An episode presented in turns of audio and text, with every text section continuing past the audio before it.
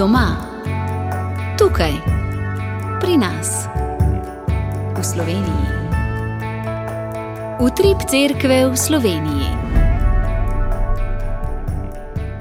Lepo pozdravljeni. V tokratni oddaji bomo največ pozornosti namenili predstavitvi katehumenata ali veruka za odrasle, ki ga med drugimi od oktobra naprej pripravlja Župnija Ljubljana Sveti Križ. Program in potek srečanj, ki se bodo začela oktobra, nam bosta predstavila Helena Rebrc in Luka Ločniškar.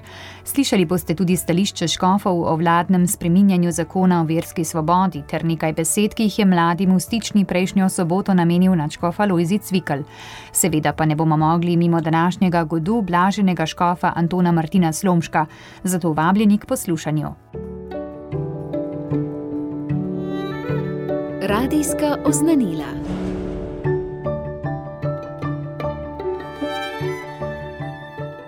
Drage poslušalke, spoštovani poslušalci, dobrodošli v radijskih oznanilih. Svetniki v tem tednu. Jutri godujejo Sergij Radoneški, menih, Firmin Škof, mučenec in Solemni Škof. V torek godujejo Kozma in Damjan, mučenca, ter Nil Opat.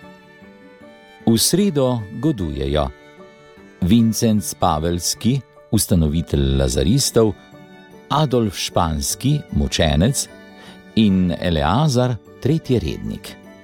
V četrtek godujejo Lorenz Ruiz in drugi japonski mučenci, Vaclav, Venčeslav, mučenec in Ljoba, ljubica, opatinja. V petek godujejo nadangeli Mihajl, Gabriel in Rafael.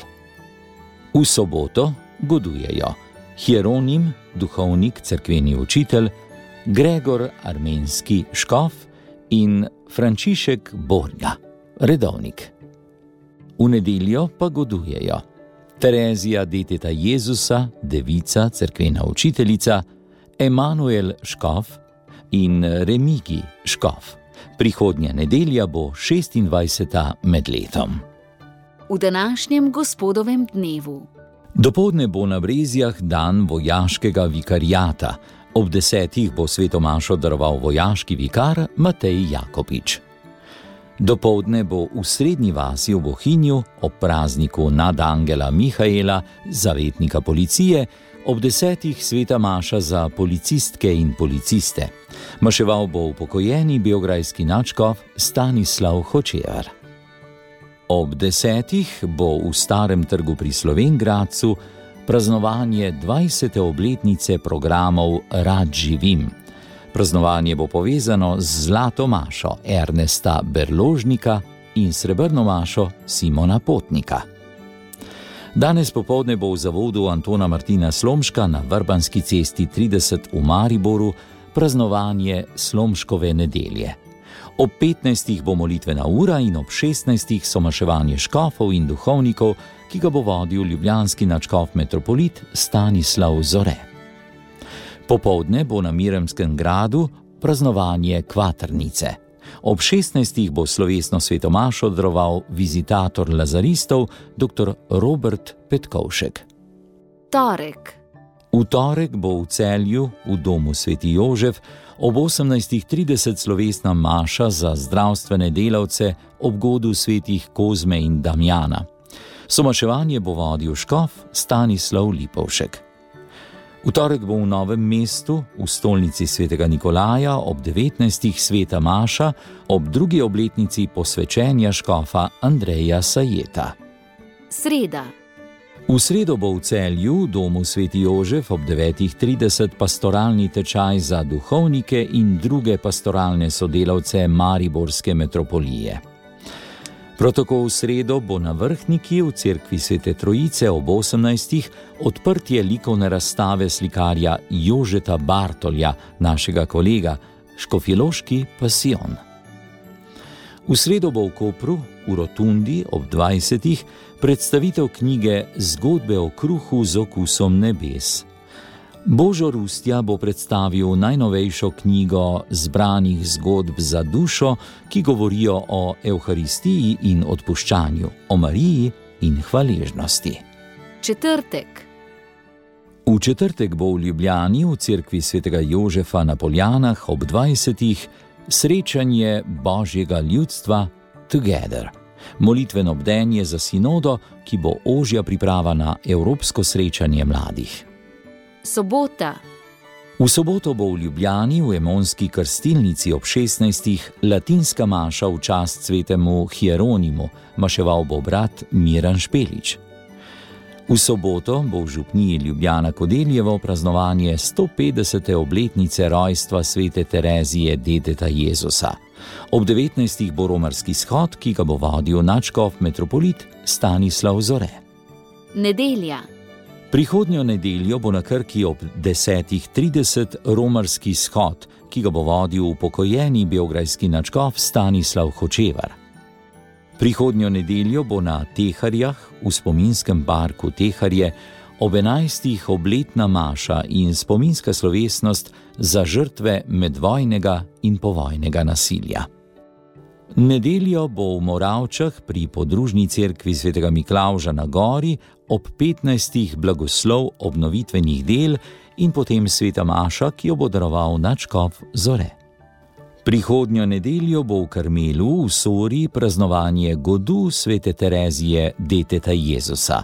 Ob 17. bo sveto mašo daroval Jure Kožel, po njej pa bo blagoslov in podelitev vrtnic. Vabljeni k poslušanju nadaljevanja oddaje Utrip Cerkve v Sloveniji.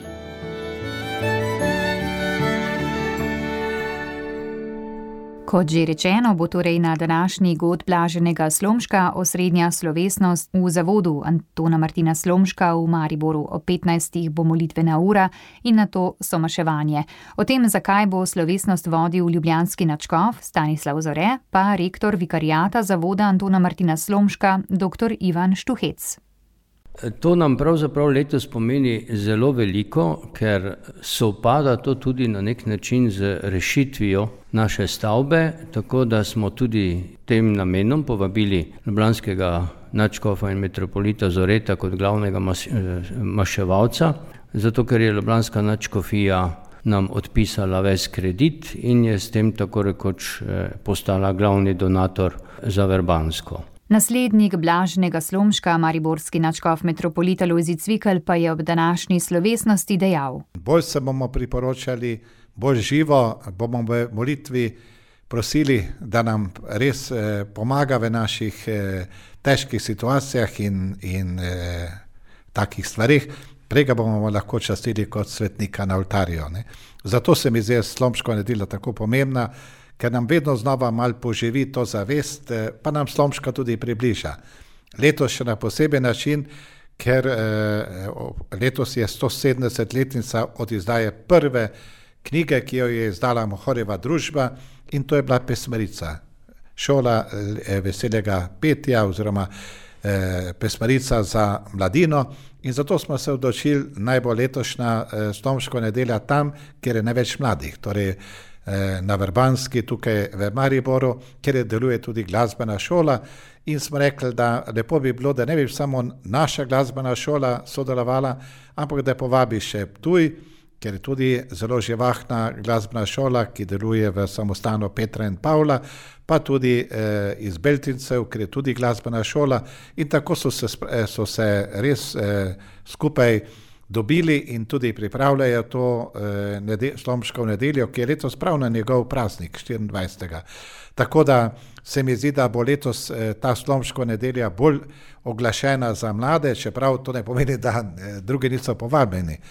Še, še kako, se mi zdi, da je pa res prav, da smo enkrat dan bolj podarek na tem slomško odnos do glasbe, slomško odnos do petja in tudi do, do mladih, ker so vedno bili slomško tako pri srcu. Včeraj pa je na Ponikvi potekal že 20. slomškov dan, kjer so se zbrali učitelji, vzgojitelji in katehisti. Srečanje so organizirali župnija Ponikva, Slovenski katehetski urad in Društvo katoliških pedagogov Slovenije. Predstavnica slednjih, Helena Kregar, je za naš radio o vlogi blaženega slomška dejala. Mladi slovenci v šoli slomška ne spoznajo, ne v pravi luči, ne v vsej tisti dimenziji, ki jo pomeni on za Slovenijo. O slomšku verjetno slišijo kaj bežnega, lahko tudi kdaj kaj napačnega, vse se mi zdi odvisno od drže in izobrazbe učitelja ali slovenščine ali pa zgodovine. Zato bi ga morali v šoli mladim bolj celovito predstaviti, tako z vidika zgodovinskih dejstev, kot predvsem z vidika slovenstva in domoljubja. Stolna župnija Maribor pa je v torek pripravila svečani koncert sakralne glasbe ob 24. obletnici beatifikacije blaženega škofa Slomška. Naj še spomnimo, da je pri založbi Ognišče v zadnjih letih išlo veliko knjig blaženega Slomška, nekaj pa tudi knjig o slovenskem blaženem in njegovem delu. Več o tem pa na spletni strani trikrat dvojni ve, pika ognistce.si. Spremljate oddajo Utrip Cerkve v Sloveniji.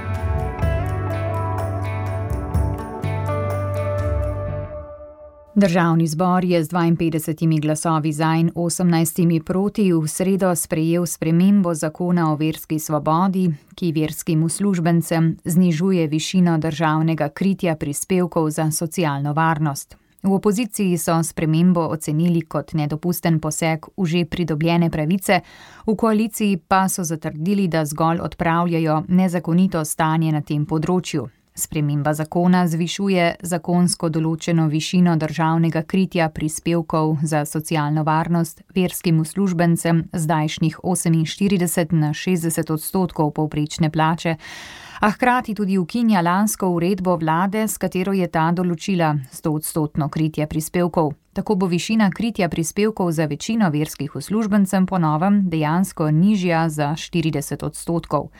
Pred letom 2012 je namreč zakon določal, da država verskim uslužbencem krije najmanj 60 odstotkov prispevkov. Proti spremembam so največje verske skupnosti, med njimi katoliška crkva, islamska skupnost in evangeličanska crkva, nastopile že v javni obravnavi v marcu, povdarile so, da znižanje pomeni nedovoljen poseg v že pridobljene pravice ter zmanjšuje že dosežene standarde verske svobode. Z zakonom je vlada tudi ukinila status splošno koristne organizacije verskih skupnosti. Stališče slovenskih škofov je za radio ognišče predstavil tiskovni predstavnik SŠK Gabriel Kavčič. Slovenski škofi že želijo potem, ko je bilo stališče katoliške cerkve na seji odbora že predstavljeno, še enkrat poudariti, da se s predlaganimi spremembami zakona ne strinjajo saj nižanje prispevkov pomeni tudi slabšanje socialne varnosti naših duhovnikov, redovnikov in redovnic. Ukinitev statusa splošno koristne organizacije pa pomeni tudi nerazumevanje vloge katoliške cerkve v naši družbi.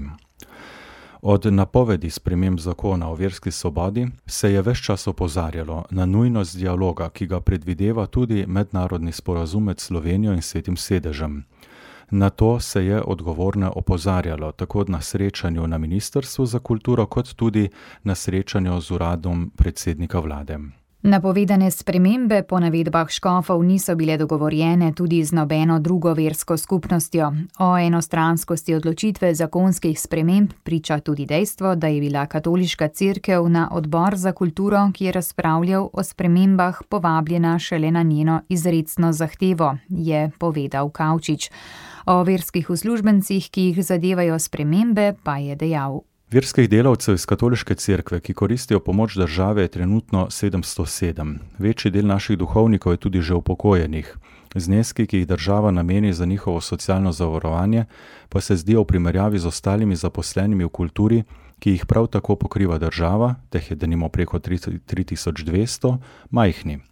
Delo verskih delavcev na področju skrbi za kulturo, izobraževanja in duhovne pomoči je prostovoljno, hkrati pa za našo družbo neprecenljivo.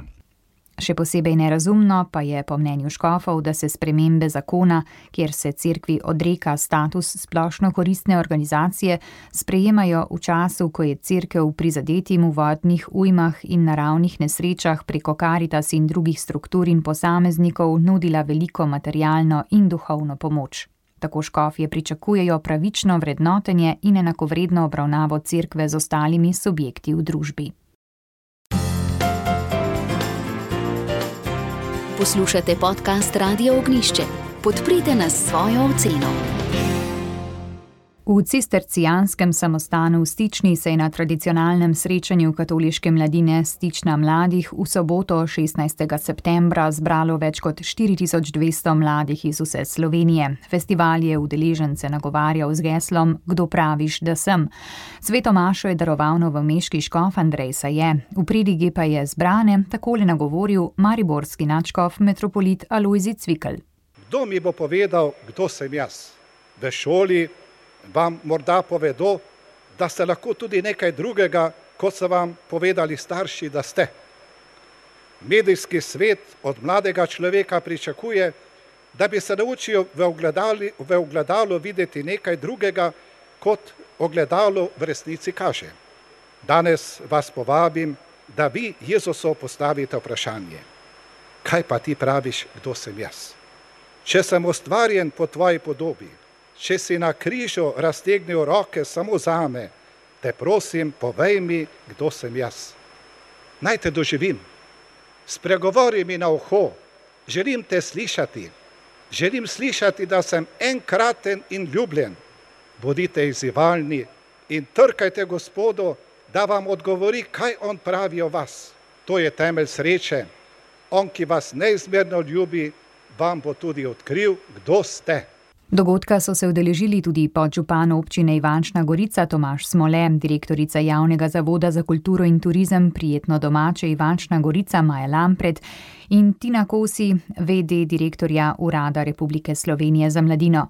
Festivalskemu dogajanju v Stični pa so se tokrat pridružili tudi bratje iz tezejske skupnosti in mednarodni prostovoljci, ki v teh dneh začenjajo intenzivno pripravo na 46. Evropsko srečanje mladih, katerega gostiteljica bo konec decembra Ljubljana. Spremljate oddajo Utrip Cerkve v Sloveniji.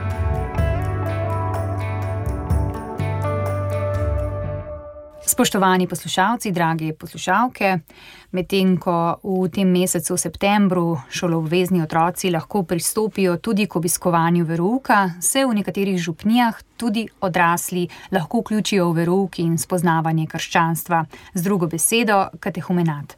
Katehumenat pomeni pripravo na zakramente uvajanja v krščanstvo, torej krst, obhajilo, Birma. Mnogo ljudi te zakramente že ima, nima pa dovolj dobrega ali poglobljenega poznavanja vsebine vere. Nekateri pa nimajo zakramentov in si jih tudi še ne želijo prejeti, predtem pa bi radi bolje spoznali in razumeli krščanstvo. Katehumenat v župni Ljubljana Sveti Križ združuje oboje. Program katehumenata v tej župni poteka že od leta 2016 in nov cikl tedenskih večerov, torej katehumenata, se bo začel letos 5. oktober. Več o tem, o tej obliki evangelizacije, o izkušnjah katehumenata nam bosta povedala dolgoletna koordinatorka programa, gospa Helena Rebrc, in nekdani udeleženec katehumenata, gospod Luka Lučniškar, ki pa letos tudi začenja pomagati pri vodenju katehumenata v župni Ljubljana Sveti Križ. Oba lepo pozdravljamo v našem studiu. Dobro dan. Dobro dan. Gospa Helena Rebrc, kako je prišlo do odločitve za postavitev katehumenata v župni Ljubljana Sveti Križ, kdo je dal pobudo, kako ste oblikovali program? Ja, uh, očitno je bila zaznana potreba uh, potem. Uh, ker pač ni, ni zelo velik krajev za, za odrasle, ki bi želeli spoznavati predvsem osnovne temelje krščanstva, osnovne vsebine. Pa ne bo to tako za tiste, ki želijo sprejeti krst, kot za druge, ki mogoče že imajo zakramente, ampak so jih prejeli površno ali v otroštvu in, in se potem kasneje želijo vrniti k veri. Konkretno pobudo je dal uh, takrat, uh, oziroma še zmeraj dekan, um, gospod Lojze, Alojzi Grebenc, ki je prosil Aleka, takratnega župnika na žalah, če bi postavil oziroma nadaljeval s katehumenatom, ki mislim, da je že obstajal pri prejšnjem župniku, kadar je bila potreba, kadar se je pokazala potreba. V glavnem, Alek me je prosil, da mu pomagam uh, postaviti program in da mu pomagam uh, iskati sodelavce oziroma uh, ja, pač pripraviti vsebine. Mogoče tisto, kar lahko takoj povem, je, da, da sva, mislim, tako oba dva sva imela veliko izkušenj iz skupnosti Emanuel pri tem oznanjanju uh, in približevanju ljudem, ki mogoče niso tako zelo v veri. In predvsem nam je pomagal program, mislim, je kar nekaj idej ali pa elementov smo pobrali iz programa Alfa, iz tega tečaja Alfa, ki ga tudi zdaj še nekje po Sloveniji se mi zdi, da, da je še navzoč. Ja, v glavnem tono tako na hitro. Uh -huh. Cilj programa Katehumonata pa je spoznavanje krščanstva, uvajanje v zakramente, pa tudi za tiste, ki že imajo zakramente, ki želijo poglobiti svoje znanje o krščanstvu. Ja, ja. pač osnovna želja je res spoznavati Kristusa in, in, in vzljubiti crkvo. To je taka uh, visoko postavljena želja. Kako tam uspemo, ne vem, ampak um, bi pa dodala, da, da imamo tudi nekaj ljudi, ki pridejo, ki se vrnejo v crkvu, ki so uradno izstopili iz crkve in iščejo kraj, ker bi se lahko vrnili. Tako vključili da vključili nazaj uh, in, in uh, se spet pridružili crkvenemu občestvu. Ja, morda, če povemo, kako potekajo ti večeri, ki se letos začnejo 5. oktober. Ja, eh, večer se začne z molitvijo in pesmijo, eh, potem imamo ponovadi eh, predavanje, ki ga imajo teologi, župniki, duhovniki, mogoče kakšno pričevanje, in potem je pa v bistvu potem je pa še debata. Debata o tej mhm. temi, o kakšni drugi temi, o mogoče kakšnih dogodkih v cerkvi, o liturgičnem času in tako naprej. E, poleg tega pa imamo potem še praktične, tako lahko rečemo, izzive oziroma domače naloge za udeležence, da lahko na pot oziroma po poti stopajo tudi sami. Ne? V bistvu jih želimo opolnomočiti, da ta klic eh, od Boga sami zasledujejo. Jaz bi dopolnila, da uh mhm. -huh. hočemo nekako ali želimo, da bi tako celostno pristopili k veri. No, zato nam je pomembna molitev, zato jih spodbujamo tudi k, uh, k branju svetega pisma, k osebni molitvi. Um, zato imamo ta pričevanja, uh, pa, pa tudi določene dan duhovnih vaj, naprimer, ali pa določene večere, kjer, kjer je večji podarek na molitvi, pa na pričevanjih. Ali pa tudi, recimo, dobra dela, to bomo imeli letos večer dobrih del, tako da vse, kar spada pod naše katoliške vrednote. Kdo vse so udeleženci programa, kdo prihaja v katehumenat? Ste bili v čem presenečeni, ja, ko ste začeli s tem programom? Ja, dejansko sem bila presenečena, zato ker sem pričakovala, da bodo prišli večinoma ljudje, ki mogoče zaradi želje po crkveni poroki ali uh, podobnih stvari, ali pa po botrstvu želijo še kakšen zakrament. Potem sem pričakovala, da bodo mogoče prišli um, nekateri, ki so spoznali krščanstvo preko svojih prijateljev, znancev, preko družbe.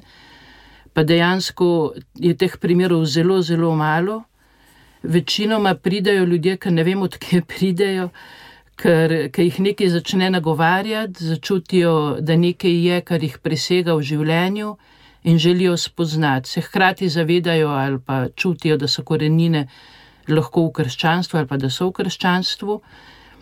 In, eh, in potem želijo spoznati vere, nekateri so že odločeni za zakramente, nekateri pa sploh ne.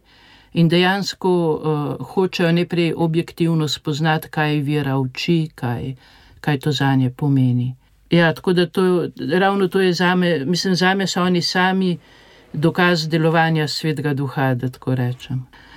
So pa zelo pisani. Uh, vseh starosti, no tako najmlajšo udeležen, ko smo imeli 17 let, ko je prihajala svojo mamo. Uh, potem imamo, uh, ampak imamo od, ja, od 17, 18 do, do 70 letnikov, ki mhm. želijo prijeti krst. Skratka, zelo različna. Z različne starosti, tudi različni poklici, mhm. različni interesi, uh, življenjske izkušnje. Skupnega imenovalca, razen tega, da želijo priti v crkvu, postati del Tako. crkve. Ja, in eh, tudi uh, vi, gospod Luka, ste uh, prišli v katehumenat, ste prejeli zakramente, Pa bi morda tudi vas eh, povabila, če predstavite na kratko, sej vemo, da, je, da nimamo veliko časa, pa vseeno morda tisto glavno, kaj vas je vodilo na to pot. Mhm. Če, če pravim na hitro povzeti, eh, jaz izhajam iz sekularizirane krščanske družine, žena pa iz popolnoma ateistične. In do pred kratkim sva živela zelo materialistično, lagodno življenje na Danskem. In vse je kazalo tudi, da, da bo se tako, da bo tako življenje do konca dni. Ampak se je, se je nekaj zgodilo. No? Materialno lagodje, užitek se zdi, ima svojo mejo, in ko, ko, ko človek doseže maksimum tega, vidi, da pač nekaj več more biti. Um, in nama konkretno se je zgodilo, ko se nam je rodila prva hčer Pavla, to je zdaj tri leta nazaj. Sva, že prej smo čutila neko praznino, ampak v tem primeru se je pa malo bolj konkretizirala in uh, sva začutila neko željo, da bi Pavlo krstila. In uh, seveda, če, če gremo po, po kanonskem pravu, kot uh mhm. -huh. jaz vem, eh, mora ta starša seveda imeti tudi zakramente za to, vse tako smo mi dva mislila no? ali pa ugotovila. In je takrat žena poiskala katehumenat. Nisem vedela takrat, da se tako imenuje, mislim, da so iskala verug za odrasle. Zato smo ga letos tudi poimenovali verug za odrasle. Uh mhm. -huh. Za vse tiste, ki res ne vedo. ja, res je, res je. Ja. Ker nas je neki, uh -huh. sem prepričan, oziroma večina, ki ne pozna te besede, čeprav je zelo lepa beseda, katehumenat. Uh mhm. -huh. Ampak so našla na spletni strani eh, Župnije Ljubljana Sveti Križ oglas za ta katehumenat in so se opisala in začela obiskovati. In so bila oba, oba no je zelo prevzelo. No? Um, jaz sem zelo tak provokativne narave, tako da sem imel kar, kar težka vprašanja, mogoče celo provokativna za vse, za vse predavatelje, ampak so se vsi dobro držali. No? Moram reči, da so dali odlične odgovore. E, tako da to me je tudi navdušilo, da, bi, da, da nadaljujem po tej poti, -hmm. ker sem, kot sem prepričan, mnogi drugi, jaz sem imel zelo preproste odgovore na ta vprašanja, na večna vprašanja in tudi na vprašanja glede krščanstva in katoliške cerkve. Ne? Kot recimo, kako je Bog ustvaril Adama in, in Evo, zakaj sta imela popke, ne? ta je dobra. Um, Uh, veste, in in na, tem, na tem nivoju je zelo lahko zavrniti vse te zadeve, ampak te zadeve so dosti globje in vsebujejo odgovore oziroma napotke za življenje, ki jih potrebujemo, brez katerih je življenje zelo težko. No? Potem ste vstopili v katehumenat takrat, ko je bil ta začetek, reden hmm. začetek, in hmm. potem ste bili pripravljeni tudi na prejem zakramentov. Res je, res je. V tistem času smo nažalost katehumenat imeli preko Zuma, kar je bila meni. Zaradi COVID-19. Zaradi ukrepov, hmm. ja, res je. In um, smo imeli večino preko Zuma, potem pa smo s časom lahko začeli že uživati. Letos bomo, bogo hvala, imeli te dogodke v živo. E, tako da upam, da bo zaradi tega tudi dosti bolje. Ampak ja, potem smo pa e, prejeli zakramente enkrat e, v maju, če se prav spomnim. Jaz sem prejel sveto Birmo, ker sem krščen že bil, moja žena in hčer sta pa bili krščeni. In žena je seveda prejela ostale zakramente. Potem, eno leto kasneje, so se pa, se pa žena tudi eh, crkveno poročila, se pravi, prejela zakrament svetega zakona. Uh, bilo, je, bilo je zelo lepo. No? Jaz vem, da je bil za, za me bil en tak velik dogodek, kjer sem povabil vso družino uh, in smo napolnili eno gostilno in smo se imeli zelo lepo. Uh, vsi, vsi me še vedno malo čuden gledajo, um, sorodniki, prijatelji, ampak se mi zdi, da.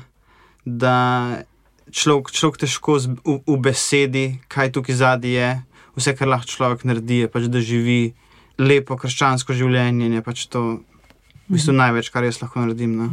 Kaj vam to pomeni, uh, mlademu človeku, ki je tudi stopil na svojo poklicno pot, ki ima zdaj tudi uh, družino? Kaj vam pomeni ta vera v Boga? Uh, v bistvu ve, vera v Boga je za me, eh, za me mnogo stvari, ampak recimo v, v ena ključnih je meni eh, hvaležnost. Ne? Neka hvaležnost, da imamo, kar imamo, ker tragedija je, nas čaka za vsakim korakom, za vsakim vogalom. In če nismo sproti v življenju hvaležni za kar imamo, za vsako malenkost, za vsako malo stvar, eh, nas te tragedije dosti bolj zadanejo. Ne, ne, ne, znamo, ne, znamo ven iz njih. Uh, prav tako meni men Bog, oziroma vera v Boga, po, uh, pomeni odpuščanje. Ne, jaz sem uh, ena, zelo, ena metafora, mi je zelo všeč, da je vera je kot veslanje proti toku. Ne, se usedeš v, v svoj kajak in veslaš. In ko se, ko se odločiš, da si bom vzel malo pauze, uh, potem ko spet začneš veslati, nisi na, točki, na, isti, na isti točki, to, ki te je odnesel uh -huh. uh, dol. In jaz sem v bistvu 25 let, v bistvu, nisem nič veslal ne? in sem v bistvu zdaj že skoraj skor v oceanu uh, te naše uh, reke. In jaz imam še, še, še veliko za preveslati. Jaz, jaz se zavedam, da sem na začetku te svoje duhovne poti, ampak eh, kar pa Bog za me ima v tej točki, je odpuščanje. Jaz sem mnogo, mnogo slabega storil eh, v mislih, besedah in dejanju v vseh teh letih, in eh, v bistvu je. je Katoliška vera mi, mi ponudila odpuščanje, da se lahko, uh, da se lahko oddolžim za svoje grehe in pač stopim na pravo pot, Vem, da je pozno, ampak. Nikoli ni prepozno. Upam, upam. Ja. Komu bi torej priporočili katehomonat, morda prav program Župni Ljubljana Sveti Križ? Predvsem bi ta katehomonat priporočil mladim. Mladim, ki mogoče so zapustili vero, ki nikoli niso bili v veri, ki izhajajo iz ateistične družine. Ko si mlad, je odličen korak za začetek po tej poti. Ker, če mi verjamete, pa ne, jaz sem bil na isti poziciji in ko te prevzame materializem, nihilizem, to ni dobra pot, po kateri, po kateri se, se, se spustimo. Ker se mi zdi, da smo, predvsem moja generacija, milenici, pa se mi zdi, da tudi mlajši, eh, smo nagnjeni k temu, da verjamemo, da v bistvu smo mi samo ena. En prah v tej galaksiji, neko sprahu je Zemlja, in v bistvu kar mi delamo, ni relevantno v velikem kontekstu, ne, v, v, v galaksiji, v uno tretje. Zelo radi razmišljamo o big picture, ne, mhm. ampak to je napačno mišljenje. Vse, kar delamo, je pomembno. Vsaka stvar, vsako dejanje, vsaka beseda, vsaka misel nosi vrednost za nekoga, za, za, za naše bližnje, za naše starše, za nas same. In nekatere stvari mi plačamo z denarjem, nekatere stvari plačamo z dušo. In dušo imamo samo eno, tako da mladi dobrodošli. Hvala za to pričevanje. Na koncu pa še enkrat eh, kratko ponovimo. Župnija Ljubljana Sveti Križ začenja katehumenat 5. oktobra ob 20. uri. Vsak teden ob četrtkih. Za kakšne podrobnejše informacije pa se lahko obrnejo na spletno stran ali pa na telefonsko številko gospe Helene nič 4 nič 5 nič 5 2 7 nič in pa seveda na elektronski naslov Ljubljana. Vezaj sveti, vezaj kriz, afna rkc.si. Hvala lepa za pričevanje, tako gospod Luka Lučniškar kot gospa Helena Rebrc in za to povabilo.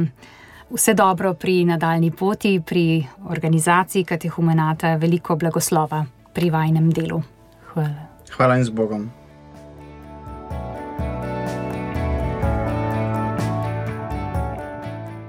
S tem pogovorom bomo sklenili tokratno oddajo Trip Cerkve v Sloveniji, pripravila sem jo Petra Stopar. Želim vam lepo nedeljo. Oddaja vam je na voljo tudi med podcasti in v našem audio arhivu obiščite radio.ognisce.si.